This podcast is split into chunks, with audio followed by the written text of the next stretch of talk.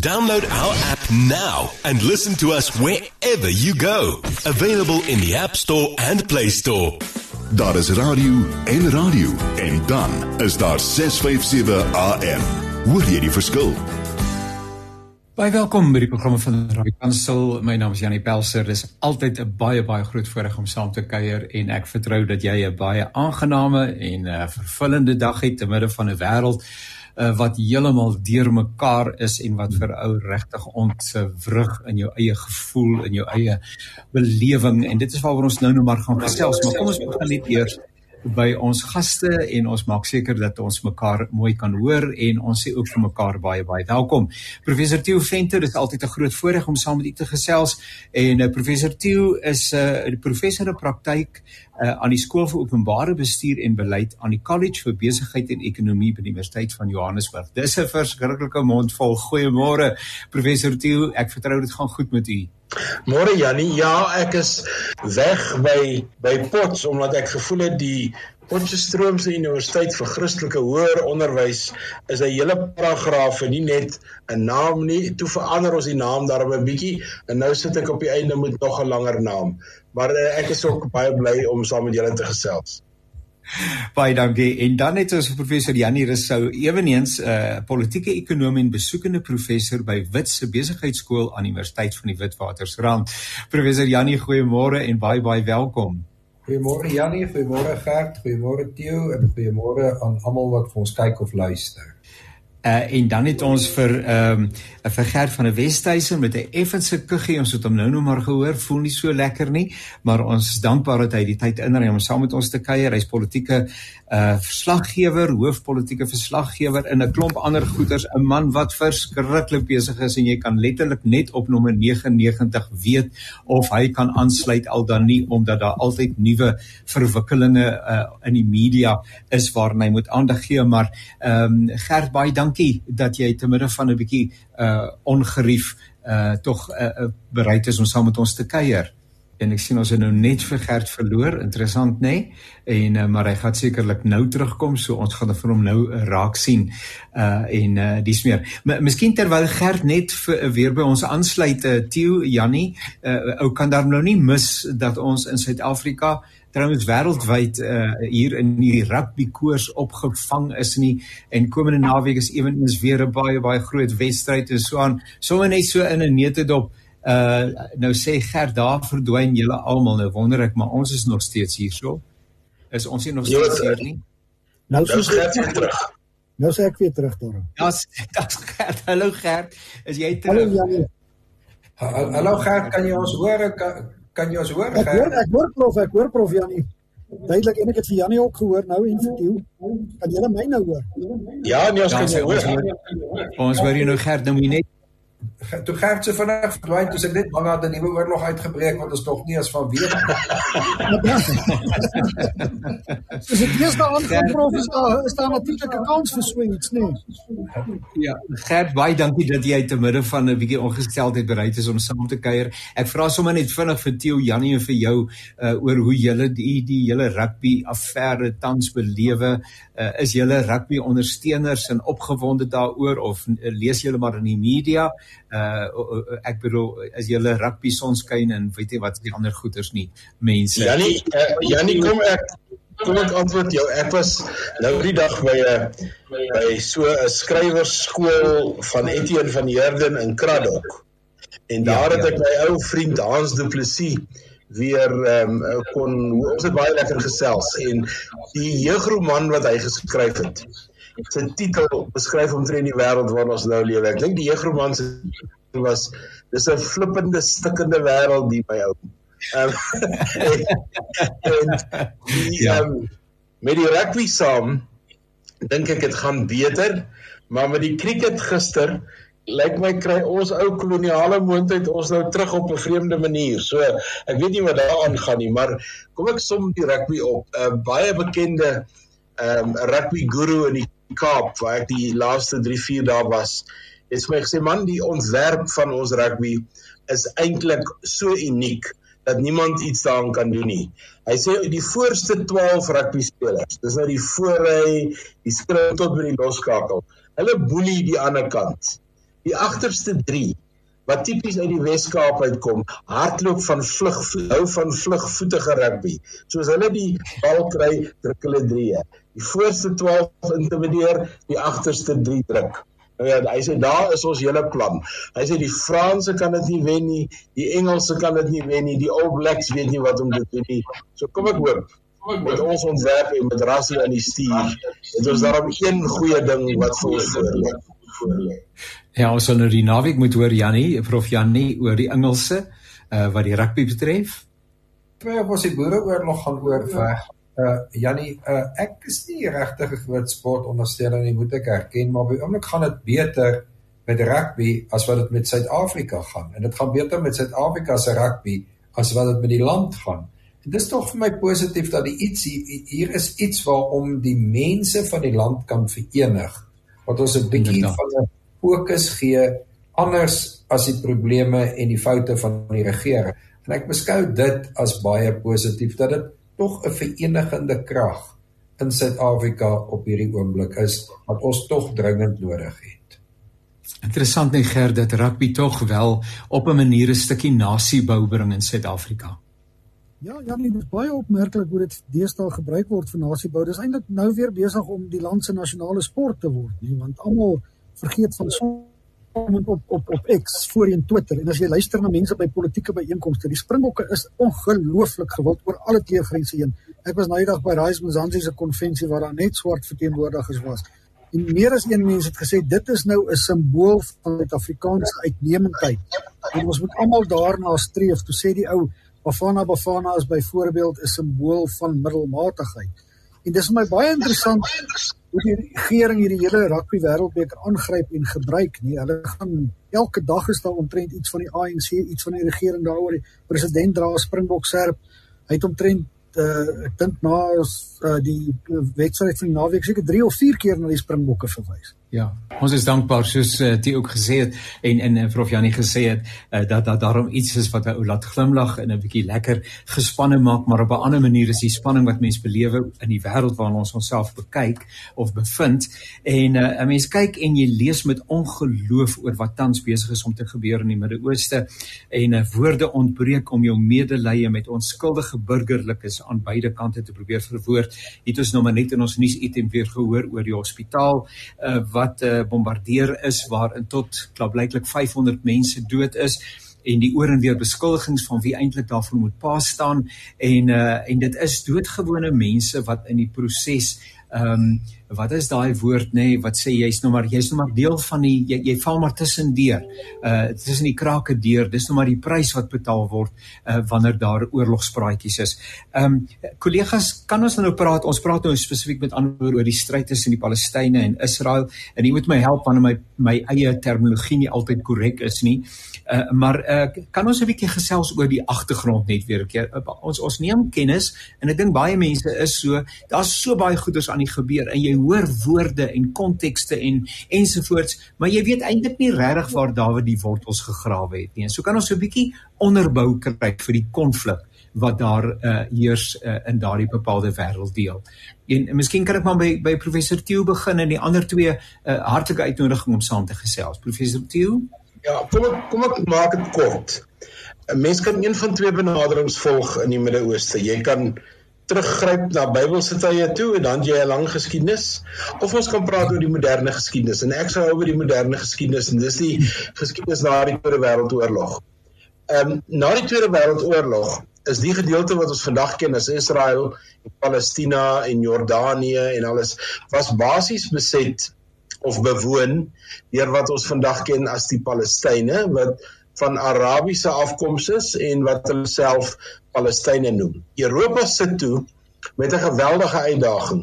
Na wat met die Jode gebeur het in die Tweede Wêreldoorlog, 'n groot mate van skuldgevoel en sekere beloftes wat gemaak is en hulle ondersteun toe 'n eintlik 'n terugmigreer van 'n groot klomp Jode uit Duitsland, uit uh, Frankryk, ag uit die hele Europa uit en sommige uit Amerika uit terug na Israel en die staat van Israel word eintlik gebore hier in 1947 maar gelyk daarmee die konflik tussen die Palestynë wat voel dit was hulle land en die Jode wat voel dit is eintlik ideologies, histories en andersins hulle land. Daarna twee of drie konflikte waarvan die belangrikste een eintlik in 67 was. In 1967 slaag die um, Israel magte daarin om grondgebied te beset en dan in die volgende paar jaar onderhandelinge om daai grondgebied op 'n sekere manier te ontruim soos die Sinai woestyn en so meer. En dan in 1973 'n datum wat ek baie baie spesifiek onthou want ek was toe 'n eerste jaar aan universiteit en ehm um, eintlik in 74 maar in Oktober 73 toe die Yom Kippur oorlog uitbreek kry ons die groot impak die wêreldekonomie met die met die olieprys wat deur die dak gaan En uh, as 'n eerste jaar in 1974 besluit seniors toe op die nippertjie dat die vlotte tydens die joel of die karnaval nie deur trekkers en lorries getrek sal word nie, maar deur eerstejaars. So ek het die prys betaal vir die Yom Kippur oorlog in 1974 as 'n eerstejaar. Maar daarna uh, hou hierdie konflik aan en ons sit eintlik nog steeds in die en die nawerking van hierdie soort konflikte en wat nou duidelik ont, ontwikkel het oor tyd is dat Israel tree op as enige aanval op hom geloods word dubbel so hard terug. Dit het 'n sekere afskrikkingsmiddel, maar dit veroorsaak ongelooflike humanitêre krisisse wat gewoonlik deur die ondersteuners van Israel oor 'n periode nie gedra kan word nie soos wat ons nou by die Amerikaners sien. Biden is tans in in in 'n vlug op pad um, Israel toe om te gaan kalmeer want uh, dit wat die Israelies nou wil doen met Gaza is nie volhoubaar nie. Jy sien as jy 'n plek wil aanval uit weerwraak, is dit waarskynlik die swakste ehm um, strategie wat jy kan volg. En die Amerikaners is ongelukkig deel van daai denkwyse. Wanneer hulle jou twee geboue in New York aanval en jy val onmiddellik daarna vir Saddam Hussein aan net om na die tyd uit te vind hierdie was 'n groot strategiese blaps. Wat jy doen ja, ja. in so 'n situasie, jy kry kalmte en jy gaan beredeneerd uh strategies doen wat jy moet doen, maar jy gaan nie met 'n 20 pond hamer in nie, want jy kan dit nie volhou nie. En nou die die hele dilemma is jy kan nie Hamas uitroei nie. Dit is tans die Israeliese ehm um, strategie. Hamas is 'n terreurorganisasie, maar dis nie die regering in Palestina nie. Die Palestynse owerheid onder president Abbas, dis die formele Palestynse owerheid en daardie dilemma, ons kan net nog verder daaroor praat, uh, manifesteer natuurlik in Suid-Afrika want die ANC ehm um, as 'n as 'n as 'n politieke party is in gesprek met Hamas. Die regering uh sou onderstel om gesprek te wees met die Palestynse owerheid en hulle moet daardie goeders uitmekaar uithou, maar dit loop by ons baie te mekaar want ek dink nie ons ministers en ons politici gee verskriklik aandag aan 'n genuanceerde optrede nie. Punt is net dit wat die Israelies nou wil doen na aanleiding van 'n terreuraanval wat op geen manier regverdigbaar was nie is ook nie volhoubaar nie. En die langtermyn effek daarvan ehm um, het groot invloed. Ehm um, ek dink die hele idee van 'n twee staat oplossing is nou ehm um, is nou weg. Dit die oplossing bestaan nie meer nie. En ek wil met my laaste punt net sê die twee staat oplossing beteken dat daar vir die Palestynë 'n soort regering gegee word afsonderlik van die regering wat daar vir die Israelies gegee word. Dit herinner natuurlik baie sterk aan die politieke ingenieurswese wat ons as apartheid ken en die verwysing na apartheid is nou al 'n paar keer gemaak deur politici en die en dieselfs ons president se brief dat die oggend was baie kontradiks of of teenstrydig want aan die een kant sê hy die regering kan niemand steun wat hulle met koslik jou kan stuur net om daai stem van jou weer terug te kry en daai hoesie. Dit lyk vir my selfs hier oor die internet uh, is die ding wat gerd dit aansteeklik en ek hoop dat ek en Jannie word dit gespaar, maar uh, uh, die die hele uh, en en en mens hoor net dat hierdie situasie ongelooflik kompleks is dat daar soveel aspekte is en uh, prof Jannie en Gert asseblief vul aan by dit wat Theo op tafel gesit het nou, maar uh, die die narratief van ons was eerste hier hier is ook nie onbekend aan ons in Suid-Afrika nie want nou die Palestynë sê maar ons was hier en toe kom die Israelies of die Jode en hulle kom keer terug en hulle sê maar eh, soos wat uh, toe gesê ideologies uh, is ons eerste hier. En en jy wen nie met daai argumentering nie want kyk waar sit ons in Suid-Afrika uh, daarmee? Prof Jannie? Ja, inderdaad, die argument van wie eerste waar was, gaan ons nie baie ver bring nie, want uh die Khoisan was vermoedelik eerste in die Noord en in die Wes-Kaap byvoorbeeld. So ja. Uh, dit so argument gaan onder geen omstandighede vir enige iemand baie ver bring oor wie waar eerste was nie. Ek moet sê die bewyslas van wie waar eerste was is ook nie altyd so maklik nie watter dele was bevolk en watter dele was onbevolk. So ja, op daardie argument. Nou vra die mense vir my wat moet hulle doen onder hierdie omstandighede? Uh, is nou uh twee noem dit 2 en 'n half oorloë want niemand weet ek presies wat in die so dan aangaan nie. Wat wat wat wat moet 'n mens doen? Nou ek het nou nogal lank oor hierdie vraag gedink uh ja nee want ek het vanaand by Menlo Park Hoërskool in Pretoria se top 10 akademiese geleentheid praat. Ek moet die geleentheidsrede daar lewer. Toe ek nou lank ja. gedink, wat moet ek vir mense sê wat veral vir die leerders wat op die vooraand van hulle lewe staan en so deur mekaar kom. En ek het tot 'n gevolg gekom die beste advies wat ek op hierdie oomblik by 'n plek soos hoërskool en 'n park kan gee, is om te sê fokus op wat jy moet doen. Byvoorbeeld, fokus op dit wat vir jou op hierdie oomblik belangrik is om sukses te behaal. En as jy 'n matriek is in my nou park, leer vir matriek eksamen. En moenie dat hierdie baie ek wil amper sê gebeure rondom jou jou fokus versteur nie. Want die wêreld is het ek nou tot die gevolgte gekom altyd onseker. Ek gaan ook vanaand daar by Menlo Park sê dat C.J. Langehoven blykbaar in 1923 geskryf het want die wêreld is vreeslik te mekaar. En ons weet regtig nie wat in 2024 gaan gebeur nie, veral omdat daar in 2024 'n baie belangrike verkiesing is. Nou as ons 100 jaar later, ek sou hy het dit in 1923 en 1924 geskryf.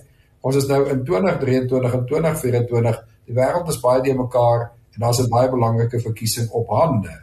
So my gevolgtrekking is die wêreld is altyd te mekaar. Die beste advies wat ek vir mense hier kan gee is fokus op daardie kritiese doelwitte wat bereik moet word.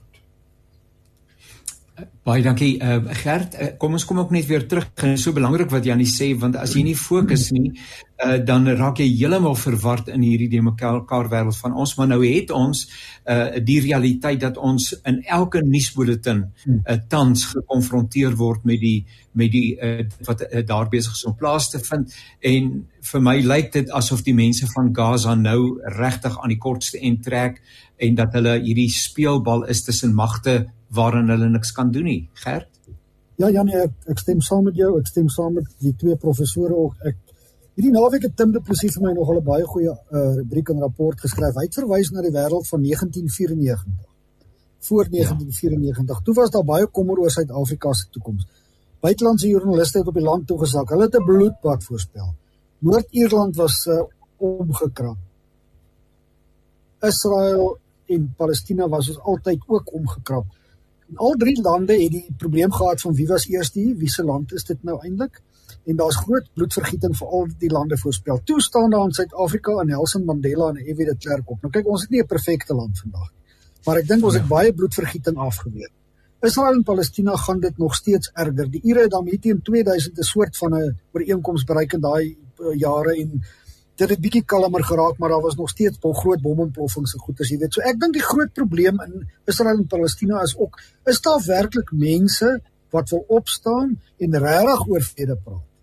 Gaan hulle praat oor 'n twee-staat oplossing soos Theo gesê het met 'n aparte Israeliese staat en 'n aparte Palestynse staat, gaan hulle praat van 'n een-staat oplossing waar almal in dieselfde staat bly, waar hulle sê Palestine is free from the river to the sea uh dit sal natuurlik nie vir Jode aanvaarbaar wees nie, maar ergens moet iemand begin praat. Jy weet, en nou het hierdie aanval op die hospitaal wat 500 lewens geëindig geëis het.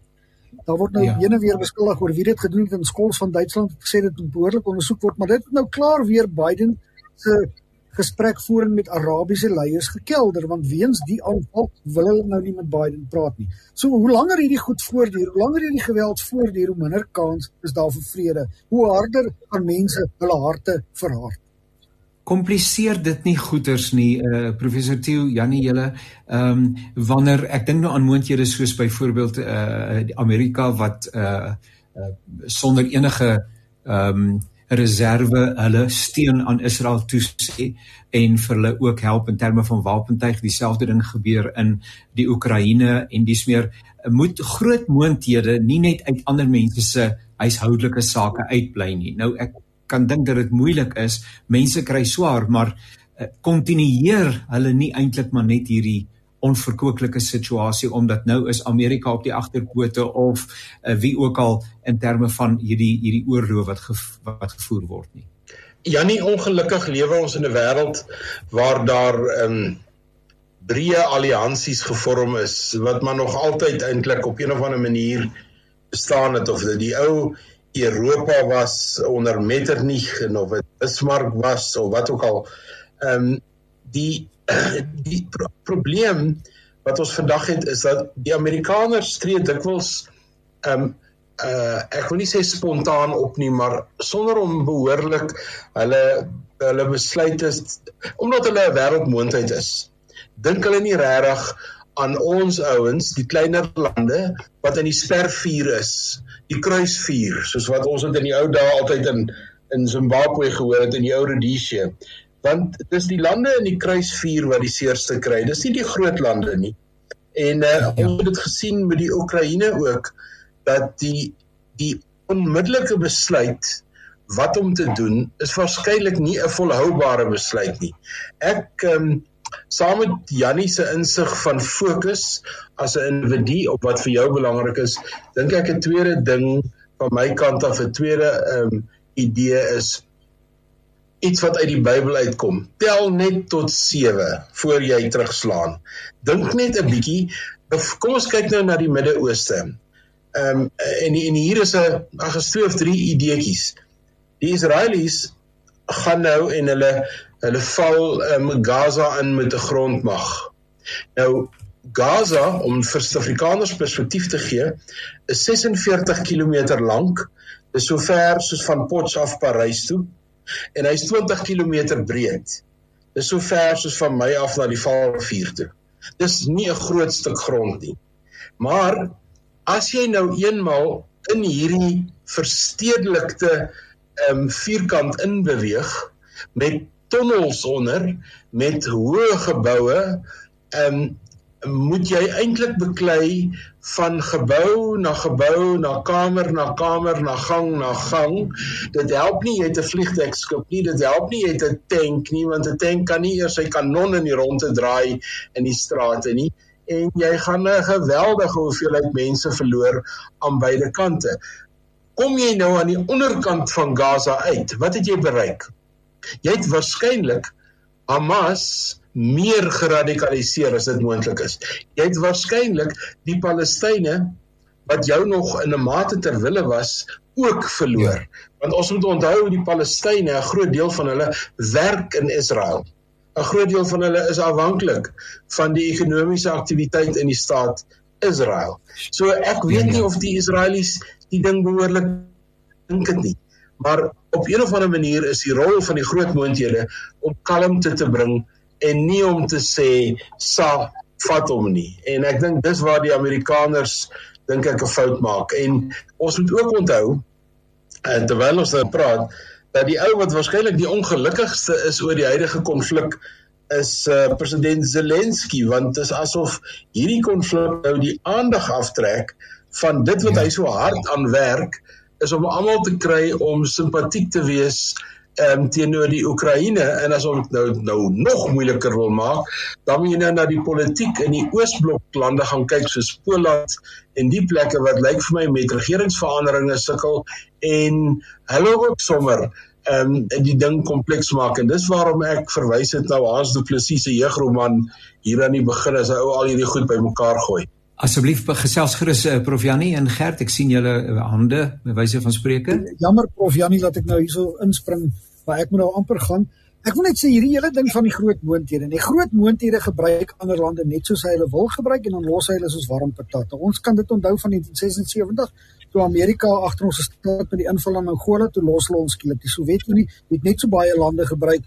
Die proxy oorlog tussen Rusland en Amerika is eintlik in grootliks in Afrika geveg. En dis altyd ook soos met hierdie oorloë en ons kon sien sedert die 30er jare van die 20ste eeu is dit burgerlikes wat deurloop onder hierdie tipe oorloë en onder groot oorloë. Jy weet ons kry die Spaanse burgeroorlog waar burgerlikes deurloop. Ons kry die Tweede Wêreldoorlog waar Amerika die atoombomme gegooi het. Ons kry die Joodse volksmoord. Ek het nou eendag gelees van 'n historikus wat sê die bombardering van Hamburg en um, Dresden net 'n paar stappies verwyder van die Joodse volksmoord. Sedertdien het ons talle oorloë gekry. Vietnam, noem dit maar op, die Oekraïne, nou in Gaza waar die burgerlikes loop altyd die ergste deur. Ek dink dis 'n gegewe in deesdae se oorlog met al jou gevorderde wapentuig, gaan die burgerlikes die meeste deurloop. En so Steele sê mense dink nie voor iets doen. Jy weet die die leuen wat Bush ons vertel het voor hy Irak binne geval het in 2004. Kyk hoe dat daai hele streek gedestabiliseer. Kyk hoe's Noord-Afrika gedestabiliseer deur westerse inmenging. Wat gee hulle nou om? Amerika steur om nie daar net die vlugtelinge gaan Italië toe. So dis nie sy probleem nie, maar hy het gehelp om die plek te destabiliseer.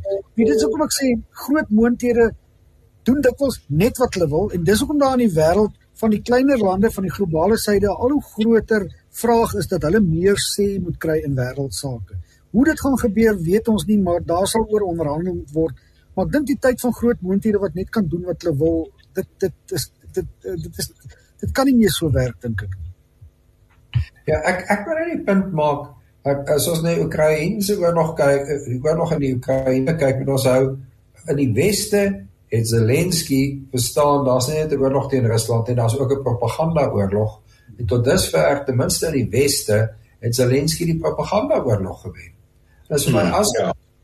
is vir my asof Israel in hierdie oorlog teen Hamas ingegaan het en hulle is nie net dat hulle intelligensiestelsels hulle gefaal het nie, maar ook vergeet oor die propaganda oorlog wat hulle moet voer terwyl hulle met 'n oorlog op die grond in teen Hamas besig is. En op die stadium kry ek die ontstellende gevoel in die weste dat Hamas besig is saam met die Palestynë om die propaganda oorlog te wen. En dit sal 'n vreemde uitkoms vir Israel wees. Hulle sal definitief dringend aandag ten minste in die weste moet gee aan die propaganda oorlog rondom hierdie oorlog. Maar Gert weet nou baie meer van die media as ek ek slom graag op hierdie een wil hoor. Ja, prof, dit is nogal baie interessant nie. Dis baie waar wat jy sê van die Oekraïne. Hulle het die propaganda oorlog gewen want hulle kan in verstaanbare Engels met die wêreld kommunikeer. Hulle het niks weggesteek nie. Rusland aan die ander kant wou baie weggesteek het. Hulle is 'n hoe kan 'n mens 'n stige klomp, hulle stig en hulle wil nie kommunikeer nie en die media word beperk. Daar word beperkings op die media geplaas. Nou dieselfde geld vir Israel dink ek in hierdie stadium. Hulle plaas beperkings op die media en dan uh, kom daar net boodskappe van die een kant af deur wat eintlik vreemd is want Israel is gewoonlik baie goed met propaganda oorlog. As 'n mens kan kyk na Suid-Afrika, al hierdie Joodse organisasies, hulle gee ook net een kant van die saak weer en hulle raak nogal taamlik aggressief en emosioneel in hulle in hulle in hulle die goed wat hulle uitreik. Maar dit is vir my vreemd dat die Israeliese regering nie 'n beter propaganda uh beter propaganda oor hierdie hele oorlog kon voer nie. Hulle sit met baie probleme in hulle eie land soos Benjamin Netanyahu is nou ook nie seker die beste president in die wêreld nie. Hy word van korrupsie beskuldig en daar's en hy wil duidelik die wet verander sodat hy nie tronk toe hoef te gaan nie. So hulle sit al klaar met daai agterstand. Ja. En nou ja. hierdie onmenslike goed wat hulle in Gaza aanvang gaan hulle ook nie beter laat lyk nie. Dit gaan die propaganda bal terugsit in die baan van die Palestynë. Kyk Gert, 'n mens kan die propaganda oorlog wen as jou intelligensiesisteme goed werk en ek dink Jannie is heeltemal reg. Die Israelies is hier met hulle broek op hulle knieë gevang ten spyte daarvan dat die intelligensie voor die hand liggend was. Ek het in 'n in 'n voorbereiding vir 'n gesprek verlede week net na die uh um inval het ek so 'n bietjie teruggegaan. So ver terug as 3 jaar gelede skryf die Washington Post dat Hamas het 'n dorpietjie gebou um soos wat die soldate moes maar doen. Hulle bou 'n dorpie wat jy kan aanval en dan skiet jy van gebou tot gebou en jy spring oor mure en al daai soort van goed. Waarin hulle troepe opleiding kry. Die Israelies weet daarvan, maar die Israelies dink nie dis baie belangrik of baie betekenisvol nie. Wel, 3 jaar later, toe is dit betekenisvol. Hulle het dus ooglopend beplan vir 'n inval, maar die Israelies het nooit gedink dit sal regtig gebeur nie. Dan die volgende punt wat nou hier gebeur. As jou intelligensie dis nie vir jou sê, dan kom iets nie kan jy nie propaganda maak nie. En uh die volgende punt is natuurlik Hamas het die Israeli reaksie op optrede baie mooi gelees om die waarheid te sê soos 'n boek. Hulle weet as hulle met vuurpyle skiet of hulle val in of hulle skiet 'n bom, dan gaan die Israelies twee maal harder terugslaan as wat nodig is. Dis die normale praktyk. As hulle dus Israel gaan inval onverwags op 'n dag wat al die Israeliese telefone af is en hulle nie TV kyk nie, die Yom Kippur Sabbat, dan gaan die Israelies dubbel hard terugslaan. As die Israelies dubbel terugslaan, is die meeste van Hamas se mense reeds weg want hulle het mos nou die inval beplan. So die ouens wat dan seer kry in die oorlog, soos Gert gesê het, is die gewone mense en die Israelies het um, al die tegnologie van die Amerikaners gekry hierdie diep penetrerende bomme wat hulle ingooi onder 'n gebou in wat uh, omtrent 100 tot 30 meter onder die grond ingaan en dan eers ontplof wat dan die hele gebou uitmekaar uitruk um, is 'n geweldige wapen want dit maak die ondergrondse tonnels waarvan daar duisende is dat dit toeval wat dit laat ook die geboue in mekaar val. Hamas is lankal nie meer daar nie. So dit wat die Israelies nou doen, werk so teen dit wat hulle wil regkry dat ek dink ehm um, hoe vinniger hulle uit Gaza uitkom, hoe beter want hierdie ding gaan afstuur op 'n bloedbad.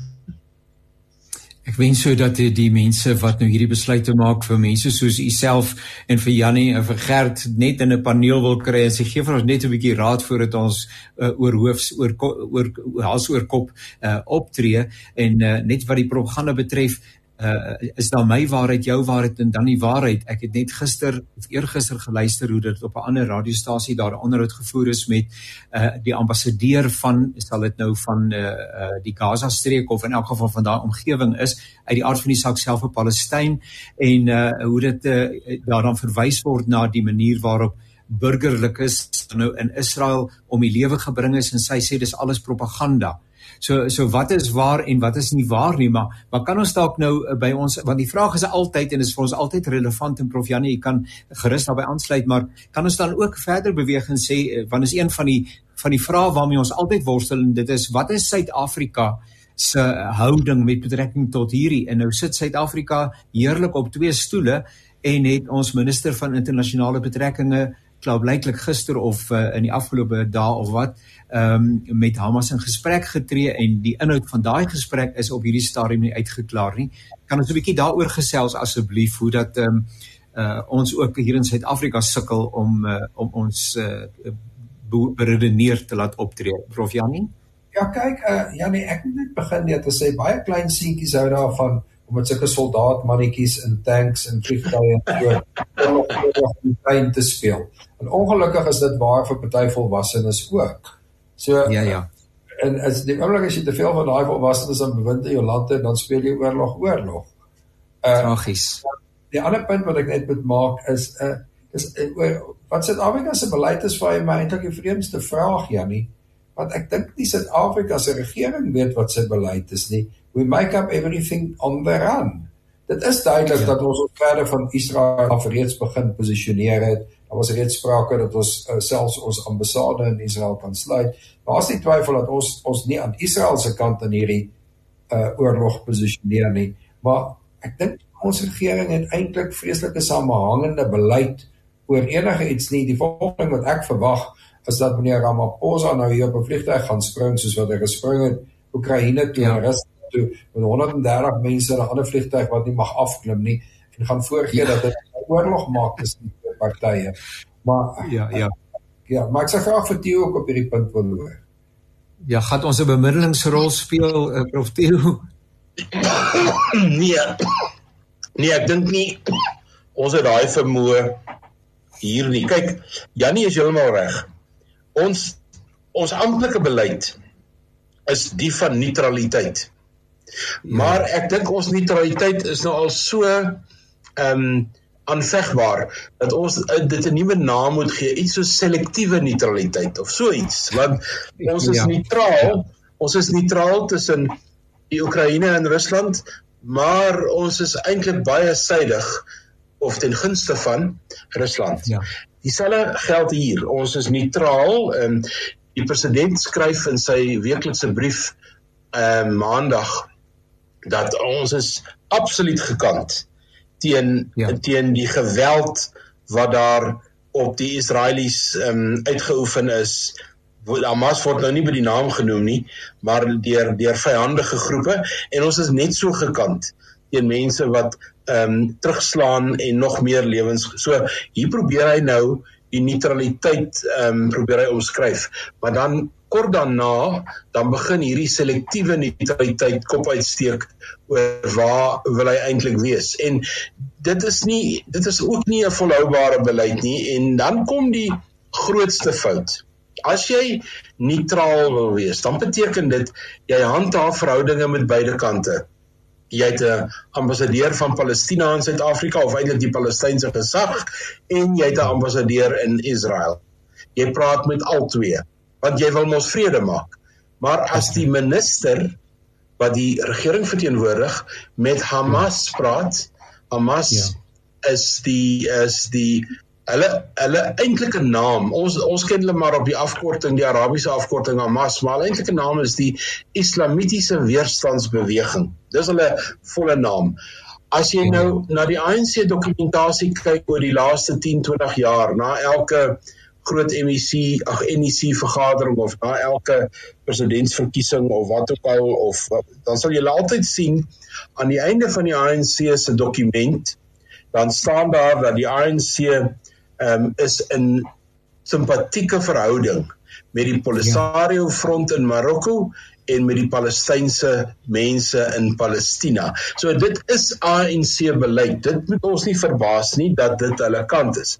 Maar vir 'n minister om een van die betrokkenes in die stryd direk te skakel soos wat ons minister gedoen het is gewoon onnadenkend. As jy so iets wil doen, dan vra jy 'n politieke lid kry nou maar 'n grapmaker soos Fikile Mbalula. Jy vra vir hom om hulle te bel. Dan is dit politieke party na politieke party. Dit is aanvaarbaar. Maar as jy regering na politieke party, dan is jou hele beleid eintlik op sy kop gedraai en wat dit dan betref is jy nie reg. Ons ons ons weet eintlik nie presies wat ons beleid is en hoe ons dit moet uitvoer nie. Ja, maar Theo, uh, ons het regtig groot verwagtinge. Ons dink enige kabinetsminister van die ANC moet op enige vlak hierdie goed uitmekaar uithou of hierdie verskille kan bestaan. Die ANC verstaan dan nie as wat is die verskil tussen die party en die regering in Suid-Afrika nie. So ja. Dit is reg. Jy stem dele reg Jannie. Ek dink daar's 'n bietjie sinisme in jou opmerking, maar dit is hoekom daar amptenare is um, soos wat jy nou goed ken in die staatsdiens en die plekke om aan die ministers advies te gee. 'n Amptenaar het eendag vir my gesê die mees angsvallende oomblik wat hy beleef is wanneer die minister van sy voorgeskrewe toespraak afwyk. Want van daar af het jy moeilikheid. Nou hier is 'n vies voorbeeld. Ja, absoluut. Absoluut. maar ek ek nou, nou woorde wat gekies is angsvallige oomblik. Prof Jannie, uh, help vir ons ook uh, met betrekking tot die uh dit is nou veral ook die belangstellingsveld ekonomies. Ehm um, ons het nou met die met die uh, situasie in die Oekraïne en Rusland, uh voel ons dit in ons eie lyf met betrekking tot graan. Ek weet nie watter mate dit nog uh, van toepassing is nie en dit was olie en dit was ander sake gewees uh wat die dinge vir ons en natuurlik sekerlike ook uh diesel en dis meer en so aan. Nou het ons weer eens hier 'n konflik en ons leef in 'n holistiese of 'n plat wêreld. So hoe watter impak sou hierdie konflik voortgaan en in elk geval net wat ons tans op die tafel het, uh watter impak het dit op ons? uh, Weer 'n keer is dit gewone mense wat swaar kry want hulle gaan checkers toe en hulle gaan Pick n Pay en hulle gaan Woolworths toe en dit is net verbuisterend hoe dat die uh koste van lewensmiddels uh gestyg het Uh so op 'n manier word ons tog maar geaffekteer nie waar nie.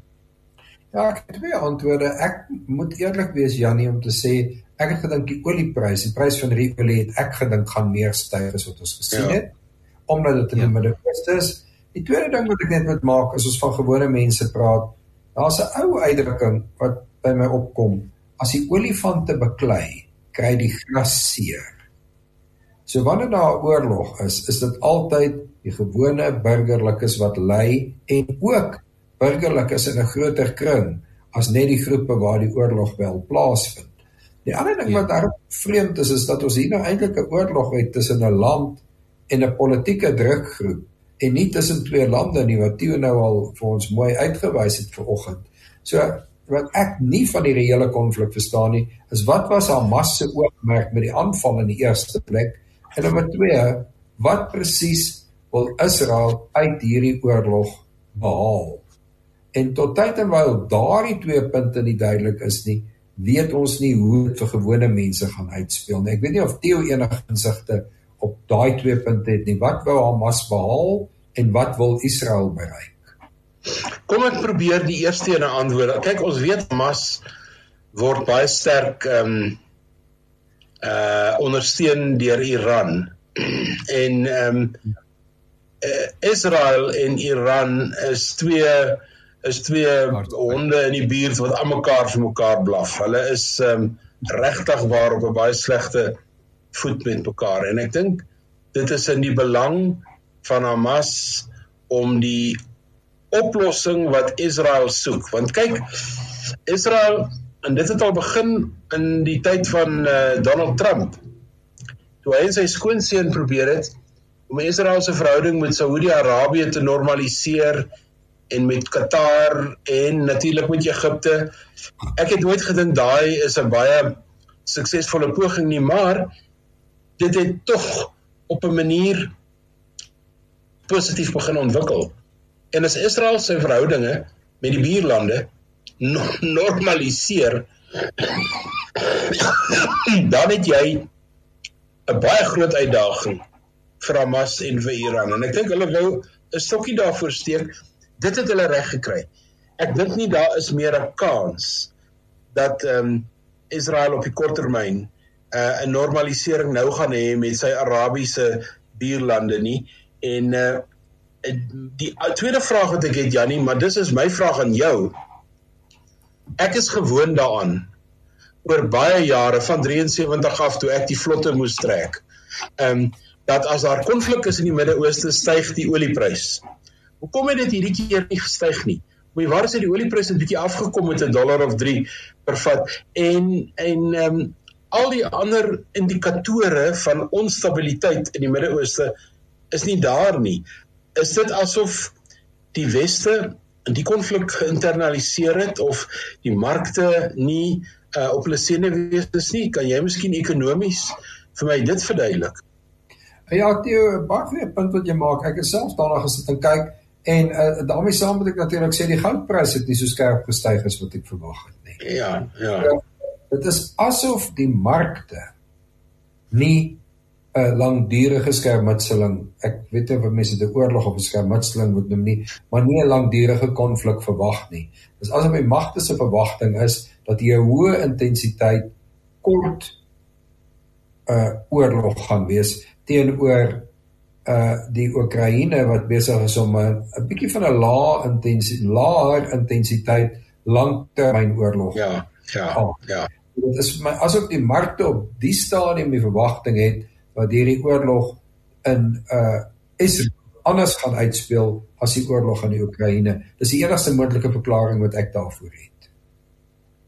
Maar die die kort en die lank van van hierdie twee vrae ehm um, Jannie is dat ehm um, Israel se pogings om om sy verhouding met sy bure te te normaliseer, dit sluit Turkye in, waarskynlik nie Sirië nie, maar definitief al die ander, ehm um, het 'n baie baie ernstige knou weg en ehm um, en ja. dit uh, tesame met die rol wat uh, Gert genoem het van Netanyahu, hy's 'n omstrede politikus en uh, hy sal 10, 11 jaar lank in aan die hoof van sake en uh, ek wonder of uh, hierdie nie maar ook soort van die begin van die einde vir sy rol in Israel um, inlei nie.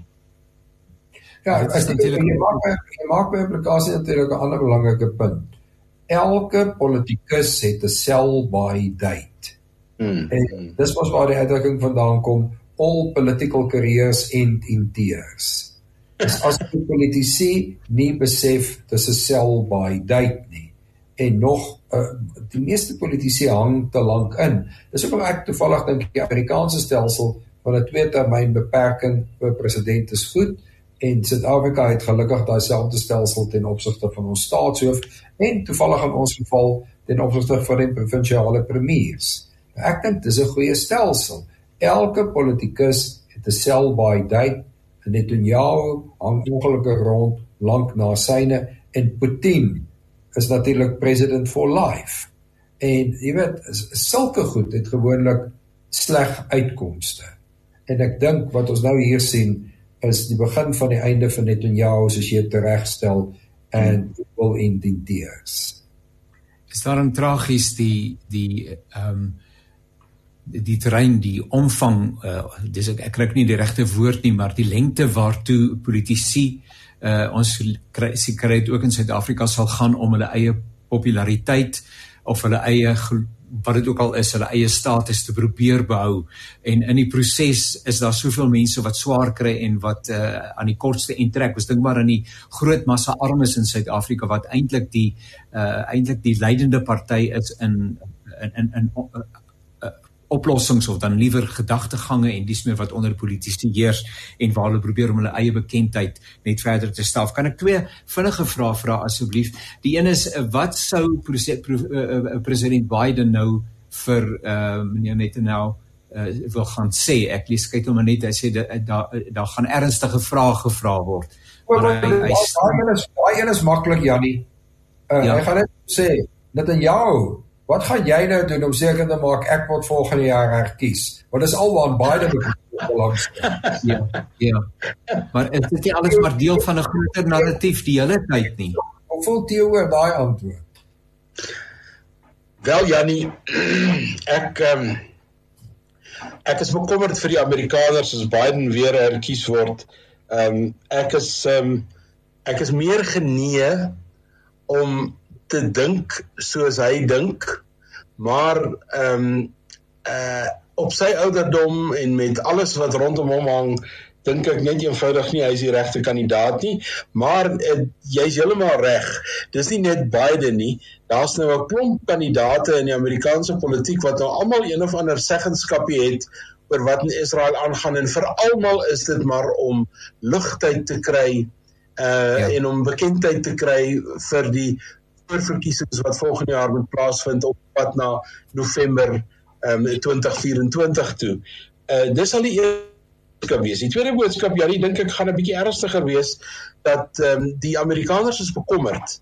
Ehm um, ek stem met jou saam. Hierdie gaan 'n intense kort ehm um, uh, operasie wees. Kom ons gebruik net maar Putin se woorde. Dit gaan nie 'n oorlog wees nie, dit gaan 'n spesiale operasie wees. Ehm um, en ek dink wat Biden vir Netanyahu gaan sê is ons sal vir jou gee wat jy wil hê.